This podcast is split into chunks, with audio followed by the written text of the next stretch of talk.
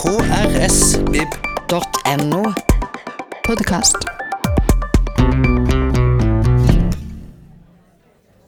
Hei og hjertelig velkommen til Fredagslunsj. Nå er jeg veldig glad for at vi fikk på plass en veldig fin fredagsgjest i dag. Fredagslunsjgjest. Professor i idéhistorie ved Universitetet i Oslo. Og jeg beit meg jo merke òg i at du er innom Sigrid Undset og mm, Kristin Lavransdatter-skikkelsen. Og i det hele tatt, vi gleder oss til å høre om den hellige Birgitta, enken som utfordret Europa. Ta godt imot Unn Falkeid. Tusen takk. Tusen takk, eh, Randi. Um, hører dere meg godt, alle sammen? Ja, flott.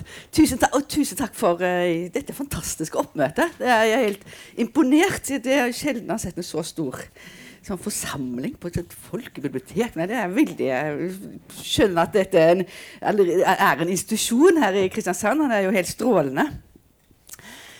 Ja. Jeg gir meg i kast.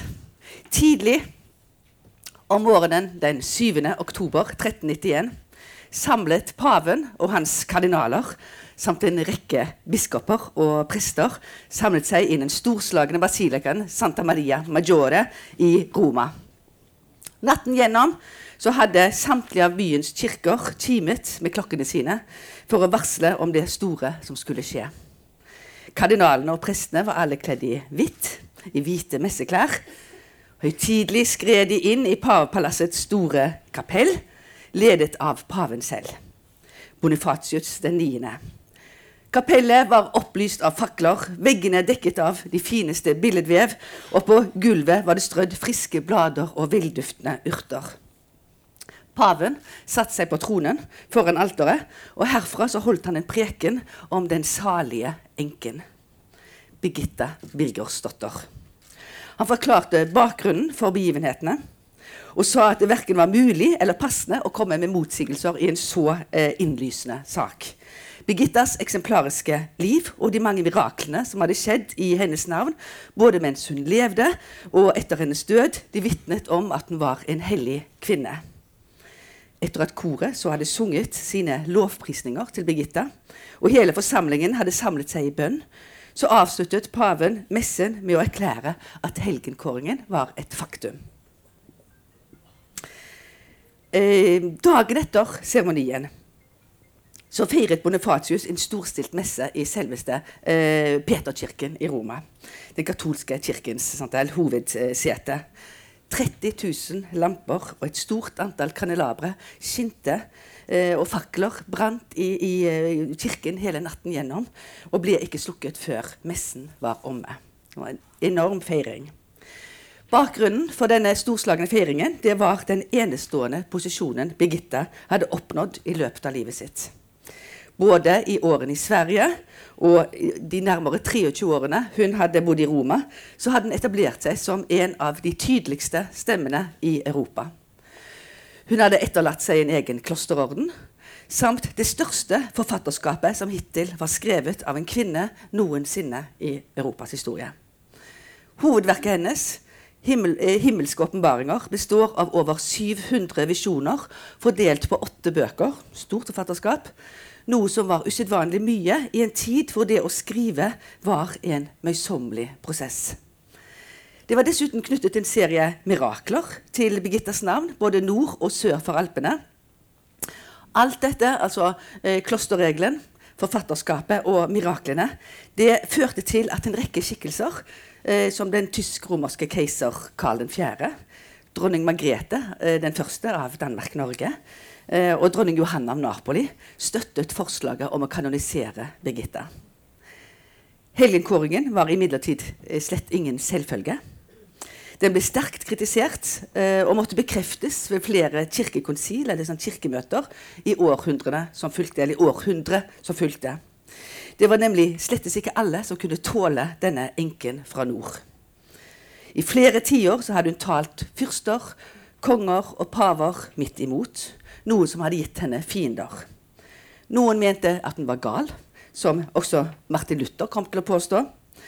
Andre mente at hun sto i ledtog med djevelen.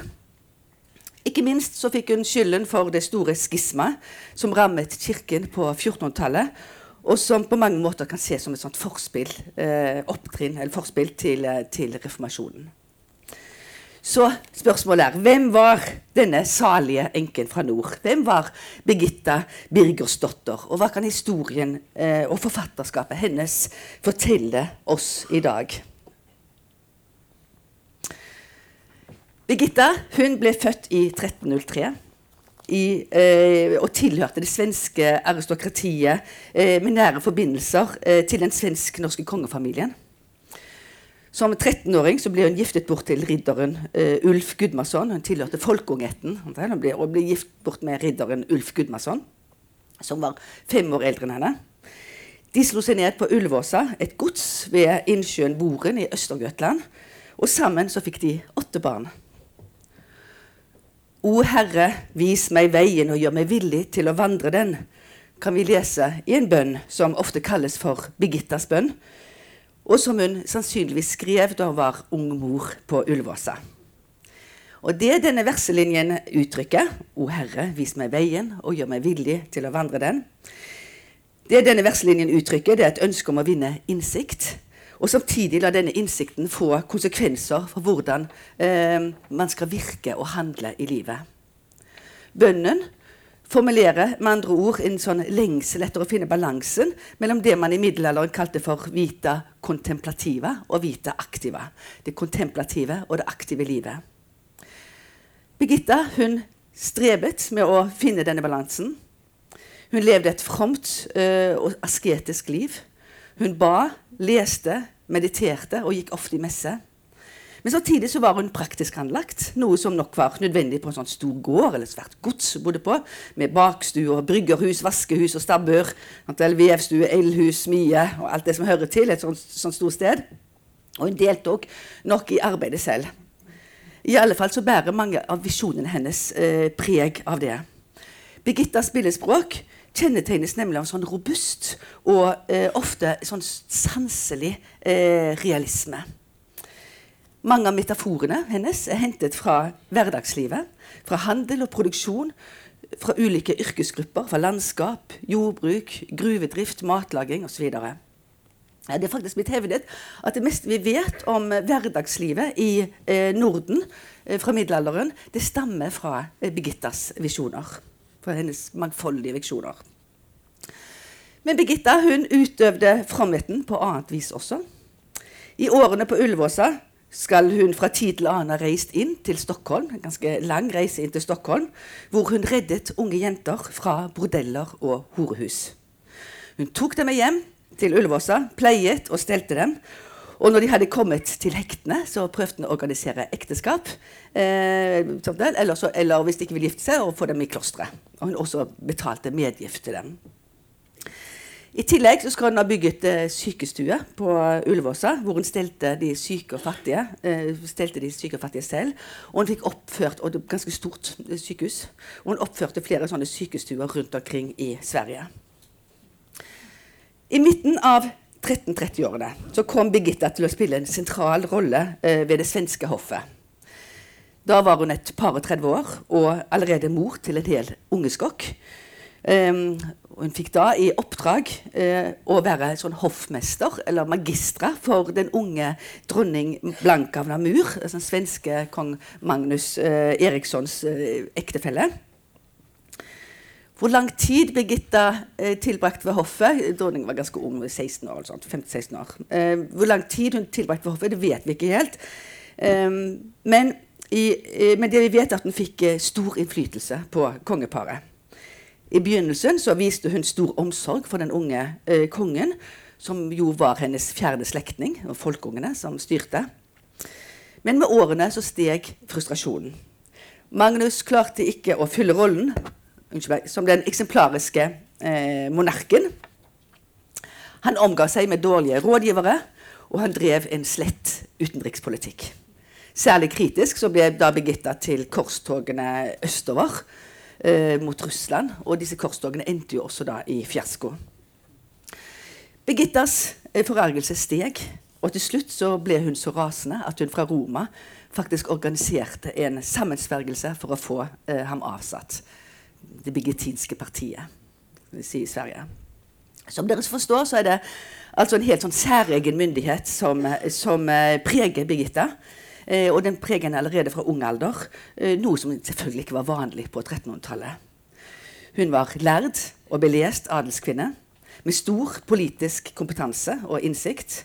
Og etter hvert så var hun også en sånn bereist kvinne. Mot slutten av 1330-årene så drar Birgitta og Ulf på pilegrimsferd til Nidaros. Og et par år eh, etter det igjen så reiser de til Compostela eh, di Santiago. Eller Santiago de Compostela, unnskyld meg. Santiago de Compostela, Frem og tilbake, tvers gjennom Europa, til fots. Det tok lang tid. Lang reise frem og tilbake. og under hjemturen fra, fra Spania så ble Ulf syk. Eh, han klarte å komme seg hjem til Sverige, eh, men døde eh, like etter. Og Birgitta hun gikk da over til å bli enke. Det å bli enke det var slett ingen enkel sak. Ingen grei sak. Enken har til alle tider vært en truende skikkelse i patriarkalske samfunn. Hun representerte en erfaren og moden kvinne og dersom hun fikk råderett over medgiften, som hun nå hadde krav på, så ville hun også fremstå som økonomisk uavhengig. Om enken var i fruktbar alder, så gjaldt det derfor å få giftet henne bort så snart som mulig, så familien kunne få kontroll over eiendommen hennes. For de som måtte forbli i enkestanden, enten fordi de var for gamle til å få barn, eller ikke kunne gifte seg av andre grunner, så hadde det faktisk i løpet av senmiddelalderen utviklet seg et sånt sett med forventninger av hvordan en enke burde oppføre seg. Oppgaven hennes var å bevare erindringen om ektemannen blant elevene. Skulle være som en gravstein for han. Kle seg i svart, selvfølgelig. Blant annet skulle hun også gå i forbønn for den avdøde ektemannen, ektemannens sjel, og slik lette hans vandring gjennom eh, skjærsilden, gjennom purgatoriet. En mann som mistet sin hustru, eh, ble ikke gjenstand for samme forventninger. Han kunne gå ufortrødent videre i livet. Enken derimot skulle be ofte og alene. Det utviklet seg massevis av sånne regler. Og det ble også et krav at hun skulle stå opp flere ganger om natten eh, for å be for mannen sin. Hun ble på den måten fanget på en måte mellom, på terskelen mellom liv og død. Birgitta hun lot seg ikke affisere av disse kravene. Da Ulf døde, tok hun resolutt av seg ringen som han hadde gitt henne på dødsleiet. På innvendingene fra folk svarte hun da jeg, ble, da jeg begravde min, mannen min, begravde jeg all kjødelig kjærlighet til ham. Og skjønt jeg elsket ham som mitt eget hjerte, så ville jeg likevel ikke med et eneste ord ha gjenkjøpt livet hans dersom det stred imot Guds vilje. For Birgitta, som nå var 43 år, så betød enkestanden en ny frihet og også en helt ny karriere. Ikke lenge etter at Ulf dør, så mottar Birgitta den såkalte kallelsesvisjonen sin. I Helgen som to av Birgittas sekretærer, altså biografien, Helgen-biografien, som to av Birgittas hjelpere, støttespillere, skrev senere, så kan vi lese følgende, jeg siterer det. Etter noen dager, da Kristi brud var bekymret over standsendringen, altså det at hun nå faktisk var blitt enke, og hva det kunne innebære for hennes tjenester for Gud, så ble hun henført i ånden mens hun ba i sitt kapell. I en ekstase så, så hun en klar sky, hvorfra hun hørte en stemme som sa, Kvinne, hør meg, frykt meg ikke, for jeg er skaperen av alt og ingen løgner. Jeg taler til deg ikke for din egen skyld, men for menneskehetens frelse. Hør disse ting som jeg sier deg. Gå så til Mattias, din skriftefar, eh, som har evne til å skjelne mellom den sanne og den falske ånd. Gi ham beskjed på mine vegne hva jeg nå forteller. Du skal være min brud og min kanal, og du skal høre og se åndelige ting, og min ånd skal forbli til deg inntil du dør. Dette omtales som Birgittas kallelsesvisjon. I en ekstase så kommer Gud til henne og sier at hun skal være hans, hans talerør. Hadde Birgitta vært en ren eh, mystiker, en kristen mystiker, så hadde samtalen først og fremst foregått mellom henne og Gud. Men Birgitta hun har eh, fått en oppgave.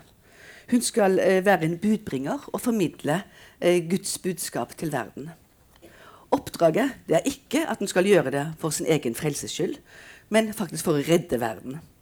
Som de bibelske profetene skal altså Birgitta ha fått tildelt en helt bestemt oppgave. Og som de bibelske profetene så dreier denne oppgaven seg om noen helt bestemte politiske eh, og aktuelle saker. Det er iallfall det hun nå påstår, og også støttespilleren hennes. Birgitta hun greier nå langsomt, men sikkert å bygge seg opp en autoritet som en profet. En samtidens profet mange tusen år etter de gammeltestamentlige profetene.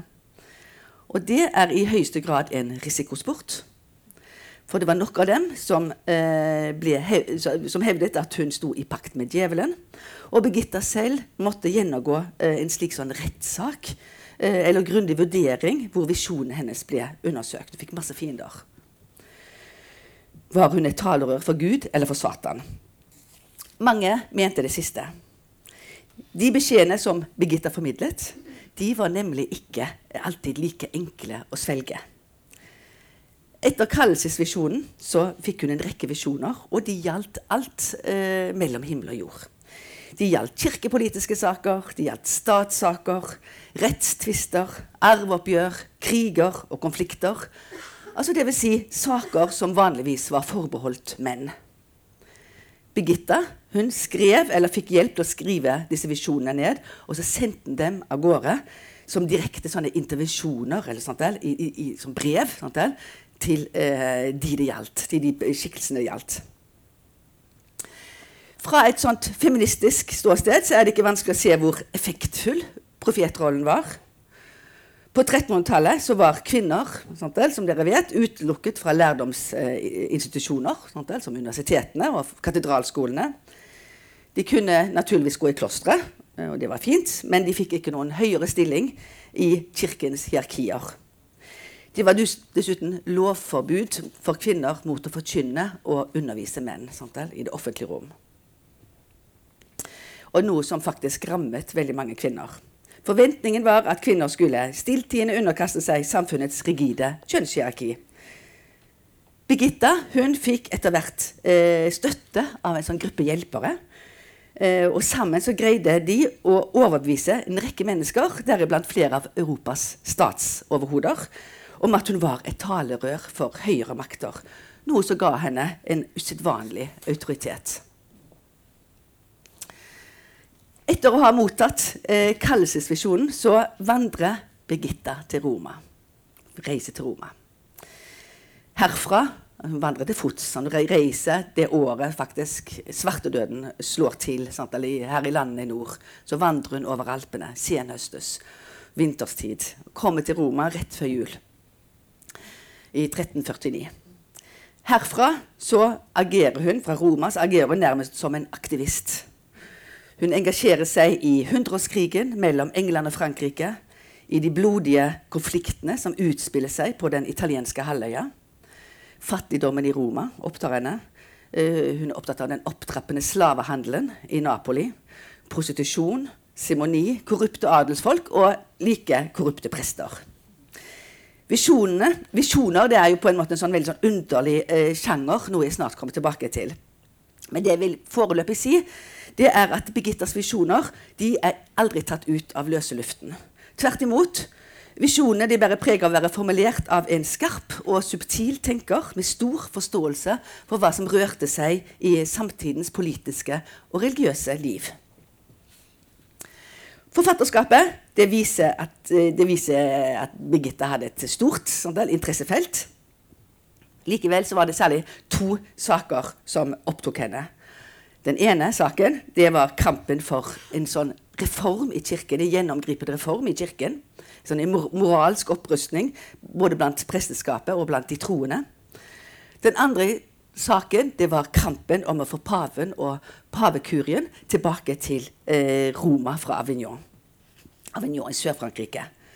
For Birgitta så hang disse to sakene nøye sammen. En reform kunne ikke skje før Roma ble gjenreist som det politiske og det religiøse senteret i kristenheten. Eh, som dere kanskje vet, så oppholdt paven og pavehoffet, pavekurien, seg i, i Avignon eh, i eh, store deler av 1300-tallet. Eh, over 70 år. Og i løpet av disse tiårene så svillet pavebyråkratiet ut. Eh, pavekurien ble det, pavehoffet ble det mektigste hoffet, eh, mektigste og mest pompøse hoffet i hele Europa.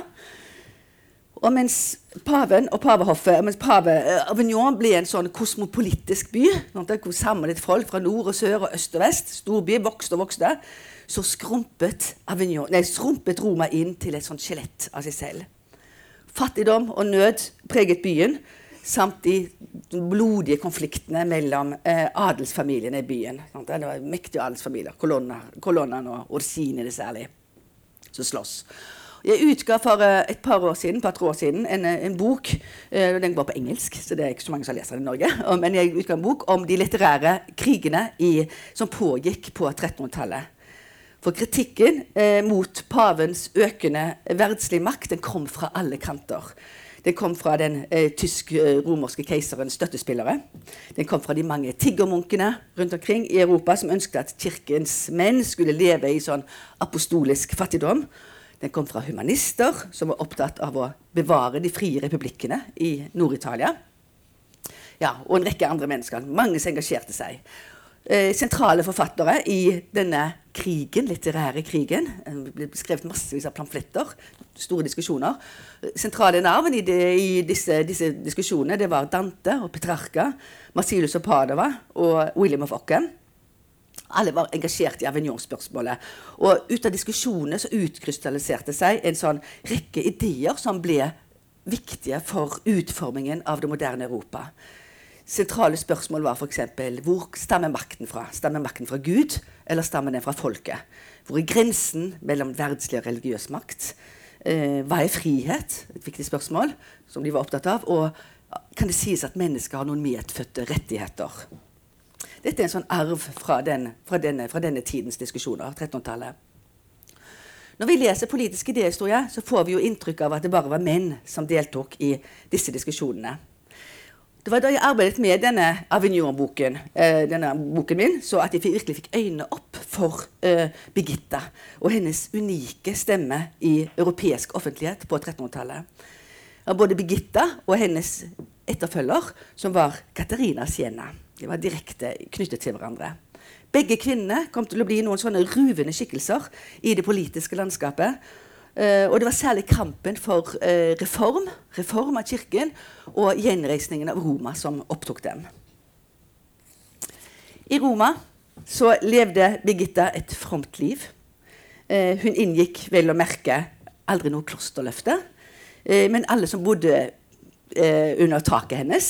De, eh, noe etter hvert ble mange av. Huset hennes ble et sånt valfartssted for alle pilegrimer nordfra. Alle som kom, på, kom, til henne, de måtte leve, eh, må følge de samme, omtrent samme levereglene som hun satte opp for nonnene og munkene sine i klosterordenen sin. For En av de viktigste visjonene Birgitta fikk mens hun fremdeles bodde i Sverige, det var nemlig en klosterregel. Det er en sånn utrolig fascinerende tekst. Jeg hadde ikke lest en klosterregel før jeg leste Birgittas. Eh, og det man, man, får i sånn, denne klosterregelen, en ganske stor tekst, så får man innblikk i eh, hverdagsliv, klosterfolkets hverdagsliv i senmiddelalderen. Det skildres sant, hvordan klosteret skal bygges, når bønn skal finne sted, måltider, eh, sant, hvordan de skal kle seg, hvilke aktiviteter de skal drive med. og sånt, og Det er en veldig ja, fascinerende tekst. Um, også Den hellige Klara begynnelsen av, på begynnelsen av 1200-tallet hadde skrevet en sånn klosterorden. Men Den hellige Klara hun er så knyttet til eh, Frans Sissi. Hun var en venn av Frans Frassisi. Så den blir ofte, klarissene blir ofte betraktet som den kvinnelige grenen av fransiskanerordenen. Det enestående med Birgittas orden, eller Birgittas regel, det er at den regnes som den første regelen skrevet av en kvinne på hennes egne vilkår. på en kvinnes egne vilkår. Og det Birgitta ønsket seg, det var et dobbeltkloster. Det vil si et kloster både for menn og kvinner. Eh, men hvor kvinner skulle utgjøre flertallet, og lederen selvfølgelig skulle være en abbedisse. Birgitta drømte åpenbart om å bli denne eh, abbedissen i, det, i, i klosteret i Vadstena, som det klosteret som hun hadde allerede begynt å få oppført før hun dro, eller mens hun var i Roma, så fikk hun liksom organisert. Hun hadde fått i gave eh, av dette store palasset av kongen, og holdt på å konstruere det som et, som et eh, kloster. Bygge det om til et kloster. Eh, og det, det, var en av grunnene til å være i Roma, det var å få godkjent klosterreglene sine. Eh, men hun kom aldri så langt. Klosterrådene hennes ble ikke godkjent før etter hennes død i 1373. Til gjengjeld så poppet det opp med Birgitta-klosteret eh, etter det. På et tidspunkt skal det ha vært hele 70 eh, Birgitta-klostre, eller Birgitta-konventer, 70 stykker, i Europa. I land som Norge, Sverige, Danmark, Tyskland, Nederland, England, Spania, Italia osv. Polen. Birgitta selv hun var ikke bare from, hun var også jeg forestiller meg, ganske så eventyrlysten og eh, en ivrig pilegrim. Kledd i sin mørke folkedrakt, eh, enkedrakt, mener jeg, eh, så ble hun et velkjent syn i Roma. Hun kunne observeres, sies det. Vitner har sagt at hun kunne observeres hver eneste dag, i all slags vær, året igjennom, der hun vandret gatelangs fra kirke til kirke for å knele og be sine bønner. Eller hun satt faktisk på gaten selv eh, og tigget om almisser. Eh, enten for seg selv eller for andre eh, trengende. De, hun fikk årlige forsyninger fra Sverige. De kom rundt pinsetider. Eh, så kom det årlige forsyninger, altså penger. Eh, men det var slett ikke alltid eh, disse forsyningene var til å stole på. Det kunne gå faktisk et par-tre par, år. Og da pengekassen var tom, så eh, noe som skjedde eh, fra tid til annen, så eh, ble hun tvunget til å sette seg på kirketrappen og be om mat selv. Den lille kvinnen hun var knøtta liten, 1,50, så selv var uh, benrestene viser at den var bare 1,50. Jeg tenker av at den var stor, den høres så stor ut, men hun er altså bitte liten. Uh, hun, um, som var faktisk lite til selv å være i middelalderen, det var 1,50, hun må ha hatt en jernhelse. Hun var på mange måter i konstant bevegelse. Uh, jeg har nevnt pilegrimsturer til fots, både til Nidaros, frem og tilbake, til Santiago de Compostela, frem og tilbake, og til Roma. De 23 årene hun bodde i Italia, så foretok hun pilegrimsturer på kryss og tvers eh, av, av sant, det italienske halvøya. Helt ned til Bari. Frem og flere ganger til Bari, faktisk. Og nordover og overalt. Nærmere 70 år gammel så legger hun ut på sin siste pilegrimsreise. Og denne gangen til Jerusalem, til Det hellige land. Først så vandret hun til Napoli. Derfra gikk ferden videre med båt til Kypros og til slutt Jerusalem. Ferden den er skildret i syvende bok av himmelske åpenbaringer. Eh, og jeg pleier å si at hvis man skal lese én bok av Birgitta, så les den. For den er kjempefin. Eh, og man, den består av 31 visjoner. Eh, og det, kan, det her kan vi følge uh, denne reisen til Jerusalem. Birgittas reise og, og Birgitta og reisefølget hennes. Å være med på en måte i de der gledene, sorgene, forventningene deres møter, hendelser, eh, dramatiske hendelser. De, de, har opplevd et stort forlis. De klarer å redde seg. Det er storm, eh, og det er sykdom. Eh, og vi kan også oppleve de miraklene hun var vitne til da hun kom til Jerusalem. Høydepunktet Hun er nå gammel, hun er egentlig ganske syk får vi også vite i denne boken. Hun er syk under ferden. Høydepunktet det nås når de ankommer eh, Det hellige land, hvor Birgitta mottar to av de vakreste og mest berømte visjonene sine. I Den hellige gravs kirke ved Golgata så får hun en visjon av Kristi korsfestelse. Og i Betlehem så mottar hun en visjon av fødselsscenen. Idet jeg gråt i sorg ved Golgataberget, skriver hun, så jeg Herren min naken og hudflettet mens han ble ført bort for å korsfestes. Birgitta ser et hull i bakken og bødlene som gjør seg klare til det grusomme arbeidet. Da snur Kristus eh, seg mot henne, og indirekte mot oss lesere, selvfølgelig, og sier Følg nå med, for her i denne fjellsprekken var korsets, fot, korsets, var korsets fot festet i min lidelsesstund. Bildene strømmer deretter på. og som et resultat av en sånn dyp meditasjon så ser Birgitta disse bildene fra sitt indre øye, og hun formidler dem på en utrolig levende eh, og ganske vakkert vis, poetisk vis. Også fødselsscenen er skildret med stor realisme. Hun befinner seg i grotten i Betlehem, hvor, skal, øh, hvor selve fødselen skal ha funnet sted. Og scenen utfolder seg som et stort tablå øh, for det indre blikket hennes. Først ser hun hvordan Maria og Josef kommer inn i grotten sammen med en okse og et esel som de bringer med seg. Maria er høygravid og kledd i en sånn hvit kjole eh, og en kappe som knapt skjuler magen hennes. Når de kommer inn, så binder Josef oksen og eselet til en krybbe. Deretter henter han et stearinlys som han fester på veggen, eh, og så går han ut for å la eh, forloveden sin føde alene. Birgitta beskriver så i detalj hvordan Maria kler av seg. Eh, bare kappen beholder hun på, og hun legger noen sånne fine tøystykker som ved siden av seg som hun har vevd i ull og lin. for å vite. Birgitta er veldig opptatt av tøystykkene, altså alt håndarbeid. Eh, og hun skal svøpe det, skal, disse, disse tøystykkene som Maria har laget, som hun skal svøpe det nyfødte barnet sitt i.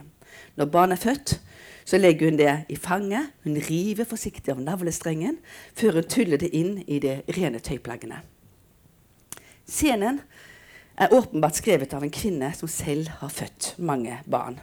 Ja, selv navlestrengen og morkaken skildres. Hvordan magen trekker seg sammen eh, etter fødselen den er smertefri, i motsetning til vanlige kvinner. For det er jo, snakker, det er jo Maria det er snakk om. Pga. denne realismen, det er tross alt, selv om det er smertefritt, så er det en realisme. Og pga. denne realismen så er ofte visjonen uh, omtalt som den første beskrivelsen av fød en fødsel i vestlig litteratur. Og den skal inspirert en rekke kunstnere. Som, som Niccolo di Tomaso, Frangelico, Caravaggio. På samme måte også, også den korsfestelsesscenen skal ha inspirert Michelangelo og en rekke kunstnere.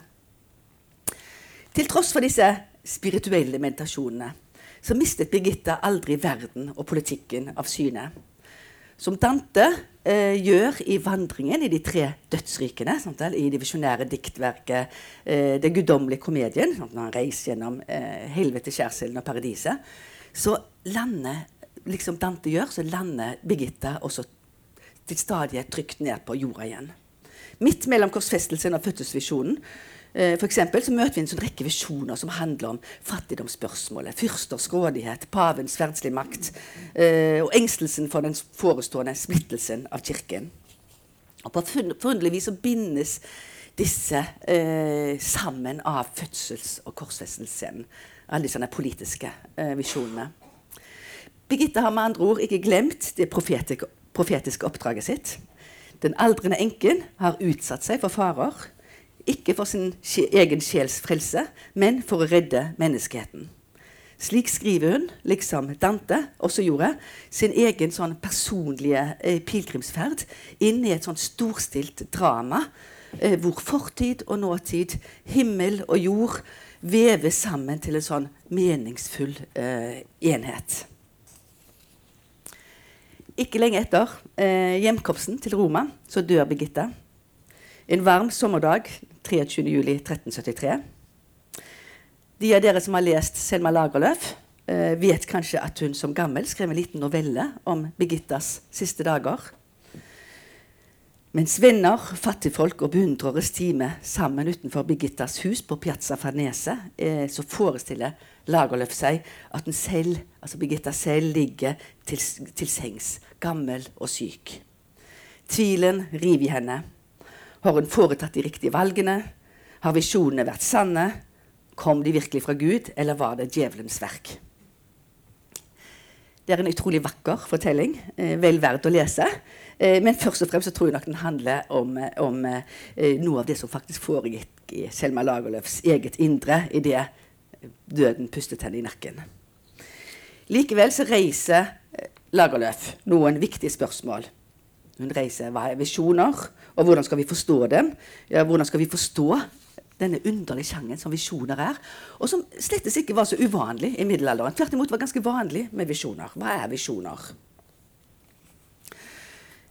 I middelalderen så hvor eh, Bibelen, altså i middelalderen hvor Bibelen naturligvis var den viktigste av alle tekster, så var de troende, de kristne, de var uhyre opptatt av visjoner.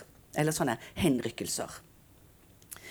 Bibelen den er nemlig befolket av mennesker som dere vet, som hevder at de har hatt guddommelig syn. Tenk bare på Johannes' åpenbaring, eh, eller på apostelen Paulus, som ble henrykket til paradis. Birgitta var altså ikke den første som skal, skal ha hørt himmelens hemmeligheter, sånn som hun får vite i, kallelsesvisjonen. Gjennom hele middelalderen var visjoner noe som først og fremst tilhørte klosterlivet, eh, til det kontemplative livet. Nonner og munker hadde stor respekt for visjoner. Ja, Det var faktisk noe de higet etter, fordi de betraktet eh, eh, visjoner som et sånt middel til å oppnå en dypere innsikt i de kristne mysteriene. Henrykkelsene, de, visjonene eller henrykkelser, de kunne, opp, de kunne sant, oppstå spontant. Som en sånn gave fra Gud, sånn som Paulus opplevde, erfarte det. Men de kunne også tilrettelegges eller fremskyndes gjennom sånne ulike øvelser. Som å faste og be, synge, sånn lese Den hellige skrift. En populær øvelse for eksempel, var å fokusere på blikket på, på en vakker gjenstand. Det kunne, være, sant, det kunne, være, et kors, eller det kunne være noe i naturen. Eh, det kunne være et eh, maleri, eller nadverdsbrødet. Og så når man sånn, mediterte over det, beundret det, så skulle man la tankene vandre. Sånn, la tankene vandre eh, og oppover til Gud, til den usynlige verden. Fra den synlige til den usynlige verden. Og En annen måte var selvfølgelig å lese eh, utdrag fra Bibelen. Sånn guddommelig lesning. Lectio divina, kalte man for. Og teknikken besto i å, å lese sånne passasjer fra Bibelen. Eh, og så skulle man eh, Først skulle man lese dem høyt, deretter skulle man meditere over dem. Eh, og så skulle man etter meditasjonen skulle komme bønn, og så skulle man stille kontemplasjon. Det var veldig sånne faste øvelser. Og hvis man var heldige, så ble man liksom rykket opp. Meditasjoner og bønner det var altså en måte å komme nær Gud på, og ta selv del i det himmelske dramaet. Og det fantes til og med eh, manualer eh, for hvordan man skulle gjøre dette. Håndbøker. Og, det, og, I håndbøkene var det at man skulle ta alle sansene i bruk. Det var viktig å kunne gjøre seg rede for visjoner. Problemet det meldte seg når folk utenfor de trygge murene begynte å få visjoner. Birgitta hun representerte det man ofte eh, kaller for den nye lekmannsfromheten i senmiddelalderen. Hun blir født å vokse opp i en tid hvor eh, den mer sentimentale og personlige kristendommen, eh, fromheten, slår eh, rot blant folk, blant folk flest i Europa. Eh, det skjer i kjølvannet av tiggermunkene. I motsetning til tidligere tider. Eh, da hadde folk ikke gått noe særlig i messe. tidlig i middelalderen, Så begynte folk nå Det, det var det først og fremst det tilhørte klosterlivet og det geistlige til. Så begynte nå vanlige folk å følge kirkeåret. Med faste og høytid, messeganger begynte å gå i kirken, nadverd. Og meditasjoner og bønner ble til og med lest og resitert i vanlige menneskers hjem. Eh, også i Birgittas hjem. Eh, noe som resulterte i også at vanlige mennesker hevdet at de mottok visjoner. Og det problematiske var hvordan teologene skulle forholde seg til det. Det var jo en utfordring. Kunne de være sanne? Hva var, dette for noe? En viktig sammenheng for å forstå Birgittas virke som visjonær, eh, det er noe som, som kalles for beginerne. Beginerne det besto av en gruppe lekkvinner, altså ikke klosterkvinner, men lekkvinner, som sluttet seg til disse nye tiggermunkene eh, rundt om i europeiske byer. Og de var på den måten uttrykk for denne eh, nye folkelige eh, religiøsiteten, lekmannsfromheten. Liksom tiggermunkene så ga beginerne avkall på alt de eide, og levde enkle liv basert på almisser, men vel å merke uten at de inngikk noe klosterløfte. Bevegelsen den startet tidlig på 1200-tallet, eh, og den tiltrakk seg utallige kvinner. Det var kvinner det snakk om. De tiltrakk seg masse kvinner. Og mangfoldige kvinner. Unge, gamle, gifte, ugifte. Både fra middelklassen og fra lavere samfunnsklasser. Og den vokste i hurtig tempo. Bare i Köln så uh, var Köln, som var bevegelsens hovedsentrum, så hadde vi 169 sånne kvinnekollektiver. Over 1500 beginere. Eh, Og stadig flere. sånn at Det var tusenvis, tusenvis av dem rundt omkring i Europa. Det er veldig mange som ikke er klar over det, men det er, det er faktisk store kvinnekollektiver rundt omkring i Europa. Og de forkynte og utøvde disse kvinnene de forkynte og utøvde en rekke sånne botsøvelser og gjerninger i nestekjærlighetens navn. De, de hjalp de syke, sant? de stelte, de underviste barn. Og stadig flere av disse kvinnene de begynte også å forvalte sakramentene. Eh, enkelte sakramenter, sånn som den, gi den siste olje. Eh, og i, I begynnelsen så var veldig mange positive til eh, denne, disse beginerne. Syntes det var flott. Eh, og særlig var de populære blant eh, fransiskanerne. Enkelte mente at man kunne lære av dem, men etter hvert så forsvant fortryllelsen. Beginerne beveget seg sant? synlig rundt i byen uten eh, overoppsyn av menn, fedre eller eh, prester. Slik oppførsel krenket naturens orden, var det stadig flere som hevdet. Eh, og det er heller ingen tvil om at disse kvinnene brukte, eh, oppsøkte disse, kvinne, disse kollektivene eh, for, i, i, flere tilfeller for å unn, unnslippe mannlig kontroll. Til slutt så grep pave, paven selv inn. Eh, for å gjøre en sånn lang historie kort, så eh, ble det, dette spørsmålet tatt opp under kirkekonsilet i 1317. Og paven, eh, pave Johannes 22. erklærte at bevegelsen skulle oppløses, og medlemmene deres skulle opptas i sånne godkjente klosterordener. Eh, Og hvis de ikke ville det, så ble, skulle de henrettes. Antallet beginer, antallet beginere gikk etter dette kraftig ned, men enkelte kollektiver har overlevd det, og de har faktisk overlevd helt til i dag, utrolig nok.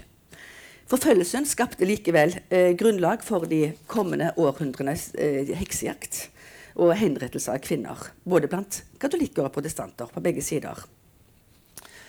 Det er ingen tvil om at da Birgitta eh, begynte å hevde at hun mottok visjoner, hun begynte å hevde mottok visjoner etter at det var blitt forbudt med beginnerne. Og hun måtte opptre høyst forsiktig.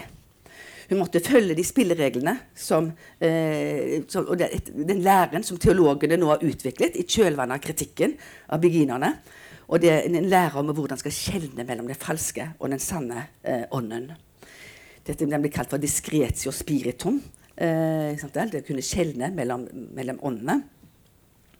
Og Birgitta måtte følge dette, dette reglementet veldig nøye. Og det innebar bl.a. at hun måtte utvise beskjedenhet og måtehold, leve et frontballstendig liv eh, og nærmest med pinefull eh, motvilje formidle de visjonene hun hadde fått. Måtte nærmest? Måtte, de måtte lokkes frem.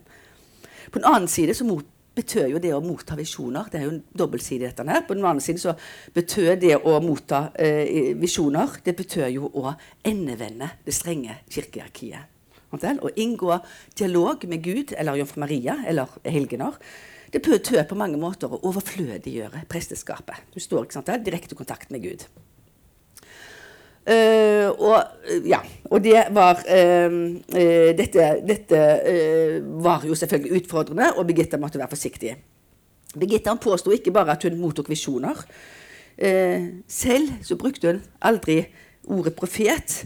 Eh, så er det, Hun brukte aldri ordet profet om seg selv, så er det tydelig at hun og støttespilleren hennes betraktet henne som det. Vil si at hun som intervenerte og handlet politisk på vegne av høyere makter. Eh, I flere av visjonene blir hun også kalt for den nye Moses. Vel, som skal lede folket sitt på den farefulle ferden til det lovede land. Dere vet også at Harriet Tubman, sant, eller hun svarte slavekvinnen sant, som reddet så mange, mange svarte, som også ble kalt for den, The Black Moses. Sant, så dette er en lang tradisjon. Så Birgitta ble kalt for Moses. Et siste viktig eh, spørsmål eh, som jeg vil ta opp, eh, og som har dominert eh, store deler av Birgitta-forskningen, det er forfatterbegrepet. Birgitta hun påsto selv at hun bare var et redskap for høyere makter. Har altså videreformidlet det Gud og sant, Maria eller helgener hadde fortalt henne. Hun var et passivt kar som ikke gjorde, no, gjorde noe annet enn lydig å diktere eller skrive det Gud, sant, Maria, helgener eller englene hadde hvisket i øret hennes. Så spørsmålet er, og som mange har vært, befattet seg med, det er kan hun kalles en forfatter hvis hun underkjente sitt eget bidrag på denne måten. I dag så forbindes sant, forfatterbegrepet med en person som skaper noe originalt. Sant, en som har full kontroll over ordene sine. I middelalderen så var det ikke sånn. originalitet det var verken noe man traktet eller, eller noe som man kunne liksom påberope seg uten videre. De fleste bøker og traktater de var ofte skrevet av et fellesskap av mennesker. Resultatet av eh, et samarbeid. Eh, og I mange tilfeller så stod, var det ikke forfatternavn engang. som sto på manuskriptet. Det kunne være en annen tilfeldig redaktør eller en leser, en kopist, som hadde kopiert manuskriptet. Eller man kunne sette på et annet navn. Man kunne sette på Aristoteles Augustin. Og da kunne man være sikker på at boken ville bli lest av mange. Selv om det var noe helt annet som hadde skrevet teksten. Man opererte med et sånt strengt hierarki eh, av autoriteter. Øverst på dette hierarkiet var naturligvis Gud, som var forfatteren. Av, eh, han var selveste auktor, som forfatteren og skaperen av ordet, av Skriften. Gud var her bak ordene og garantisten for at menneskets ord overhodet hadde noe mening. Men også andre kunne være auktor. Og det var da øverst dette hierarkiet. Det var da evangelistene. Det var eh, de, som, eh, de menneskelige forfatterne av Bibelen. Deretter kom kirkefedrene. Eh, og sant, en rekke eh, sant, eh, Og de klassiske dikterne etter hvert. Filosofene. Um, hva med Birgitta i alt dette? På den ene siden så mente Birgitta måtte, på den ene siden måtte Birgitta hennes opptre med varsomhet. Lovforbudet mot kvinner og for, for kvinner å forkynne i offentligheten det var strengt. Eh, og i kjølvannet av eh, de brutale tiltakene mot beginere og andre sånne fromme lekvinner eh, som ikke tilhørte noen orden, så må vi anta at de måtte operere høyst forsiktig. Det komplekse samspillet mellom Birgitta og skriftefedrene hennes var antageligvis også en måte å beskytte henne på. Men det er likevel ingen grunn til å underkjenne Birgittas bidrag. Hun, hun, kunne både lese og skrive. Vi har fragmenter fra hennes egen hånd. og Ikke, ikke sjelden så antydes det også at hun, hun leser gjennom det som skriverne skrev for henne. det hun dikterte. Hun lærte seg latin, så hun kunne kunne, hun kunne over, sjekke oversettelsen til latin, for ble over, alt ble oversett til latin i hennes egen levetid. Så hun var altså høyst delaktig i tilblivelsen av visjonene. Men i tillegg til dette sånn intrikate samspillet mellom denne visjonære kvinnen og gruppen hennes av støttespillere, så møter vi noe helt spesielt i Birgittas tilfelle. Teamet hennes de skildret henne nettopp som en auktor på lik linje med de gamle eh, og udiskutable autoritetene. I eh, illuminasjonen, eller den ikonografien som oppstår rundt Birgitta, de første manuskriptene eh, og de første trykte utgavene av himmelske åpenbaringer, så fremstilles Birgitta som en inspirert forfatter med pennen i hånd. Det var det ytterst få kvinner i middelalderen eh, forunt. Eh, bortsett fra den, sånn, bortsett fra, sånn, den fantastiske Hildegard von Bingen, eh, som levde på 1100-tallet som også var en misjonær kvinne og har et, stort forfatterskap. Så bortsett fra henne så det, vet jeg ikke, og jeg har også snakket med flere kunsthistorikere, om flere kvinner som ble avbildet sånn som Birgitta gjorde. Med penn og en bok i hånden. Hun ble avbildet som en intellektuell og skrivende kvinne. Eh, noe som er også veldig viktig å merke seg i Birgittas tilfelle, det er at hun ble avbildet som en sånn evangelist. Uh, og da fremfor alt som uh, hun blir avbildet som evangelisten Johannes. Sant? Som blir betraktet som forfatteren av åpenbaringene. Så det, det, det tenkte jeg bare jeg har lyst til å vise dere helt til slutt her. Disse bildene. Skal vi se om vi klarer dette. For her, her ser dere et av de tidlige manuskriptene. Illuminasjonene som, som eh, ble laget i Napoli. Ved et skriptorium i Napoli etter hennes død. Så de begynte å kopiere teksten hennes. Og heretter er de første trykkene hennes. Det kom jo da ut mange bind. Sant det? Eh, skal vi se litt videre. Her ser dere hvordan hun blir Her er et veldig berømt manuskript som er i, i USA nå, i New York. Og Birgitta sitter der som en sånn visjonær. Hun, hun, ser det under messen, Ukristien, at nadverd, presten holder nadveren oppe. Og hun sitter og ser, og samtidig så får hun en visjon. Det er det der Gud direkte. En direkte samtale. Og så vil jeg vise dere det siste. Her ser dere hvordan hun fremstilles i ikonografien. Det er En engel som hvisker til henne, og hun sitter og skriver med penn, eh, sånn penn og bok. Her som en gammel kvinne. Det er jo også ganske sjeldent. Det bildet blir ofte brukt når man skal illustrere beginere, men det er egentlig Birgitta. Olaus Magnus også brukte det i sitt trykk fra 1500-tallet. Sånn, det er som en gammel kvinne med bøker på skriptoriet sitt. Sånn, en intellektuell kvinne. Her sitter hun og skriver. Her. Her sitter hun og skriver også med Roma sånn, i ruiner i bakgrunnen. Så Dette er bildene som knytter seg til Birgitta. og det skal jeg bare helt, helt avslutningsvis si at Jeg har et sånt uh, forskningsprosjekt. og Det handler ikke denne boken om, men det er et forskningsprosjekt uh, som uh, går fremover i tid. Og det handler om hva dette bildet av Birgitta som forfatter kom til å bety i eh, århundrene som kom. For i kjølvannet av Birgitta så får vi en utrolig oppblomstring av kvinnelige forfattere og filosofer. Det er heller ikke så mange som er klar over, men det er nå i det siste tiåret så er det nå, det er nå det er en storstilt forskning som foregår rundt omkring i eh, Europa og USA. Der graver frem for disse kvinnene. Det er det er bare i Italia så eh, var det over 200 kvinner som publiserte på 1500-tallet. Publiserte sine verk på 1500-tallet, og de publiserte i alle sjangre. Alle rådende sjangre de publiserte. Naturfilosofi, de publiserte dialoger, poesi, episke verk, brev, politiske taler. Det er et mangfold. Um, så det er, uh, det er, noe vi studerer. vi studerer også det, mange, det, kom mange sånne såkalt apokryfe verk. Masse verk som ikke var Birgittas eh, tekster, men som han tilskrev Birgitta. Hun ble særlig populær i, ref, i reformasjonstiden, egentlig på begge sider. Um, og mange, man begynte å produsere sånne falske profetier, apokryfe profetier. Hun fikk status som en av de fremste profetene. Uh, så, hun, så hun ble selv gjenstand. Det, det ble skrevet profetier. Sånn Nostradamus og sånt. Så, så stemplet man Birgittas navn på, så dermed så fikk det liksom eh, betydning. Uh, og, og, det vi også studerer, det er hvordan da disse tekstene For hun opplevde umiddelbart en enorm suksess. Hele forfatterskapet ble oversatt umiddelbart altså, til latin, selvfølgelig. Det ble det gjort i hennes levetid.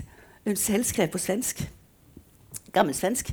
Uh, men det ble oversatt i 1391, altså samme år som hun ble kanonisert, så ble hele forfatterskapet oversatt til italiensk. Deretter så ble det oversatt til, til tysk og nederlandsk og uh, tilbake til svensk igjen. Uh, engelsk, selvfølgelig polsk. Det ble oversatt til en rekke europeiske språk. Og disse tekstene sirkulerte, og det var et betydelig forfatterskap i sånn tidlig moderne Europa. Og det er denne skrivende eh, enken som på en måte opptar oss i forskningsprosjektet. Denne kvinnen som sitter bøyd over bøkene sine med pennen i hånden. Og hva har dette betydd, kommet til å bety for intellektuelle kvinner i, i eh, renessansen, eller i tidlig moderne Europa? Det var det jeg hadde. Takk skal dere ha. Takk for tålmodigheten. Jeg har holdt på kanskje lenge.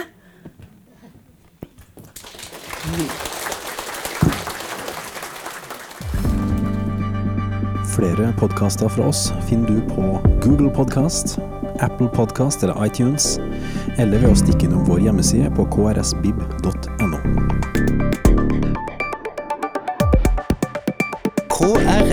krsbib.no Podkast.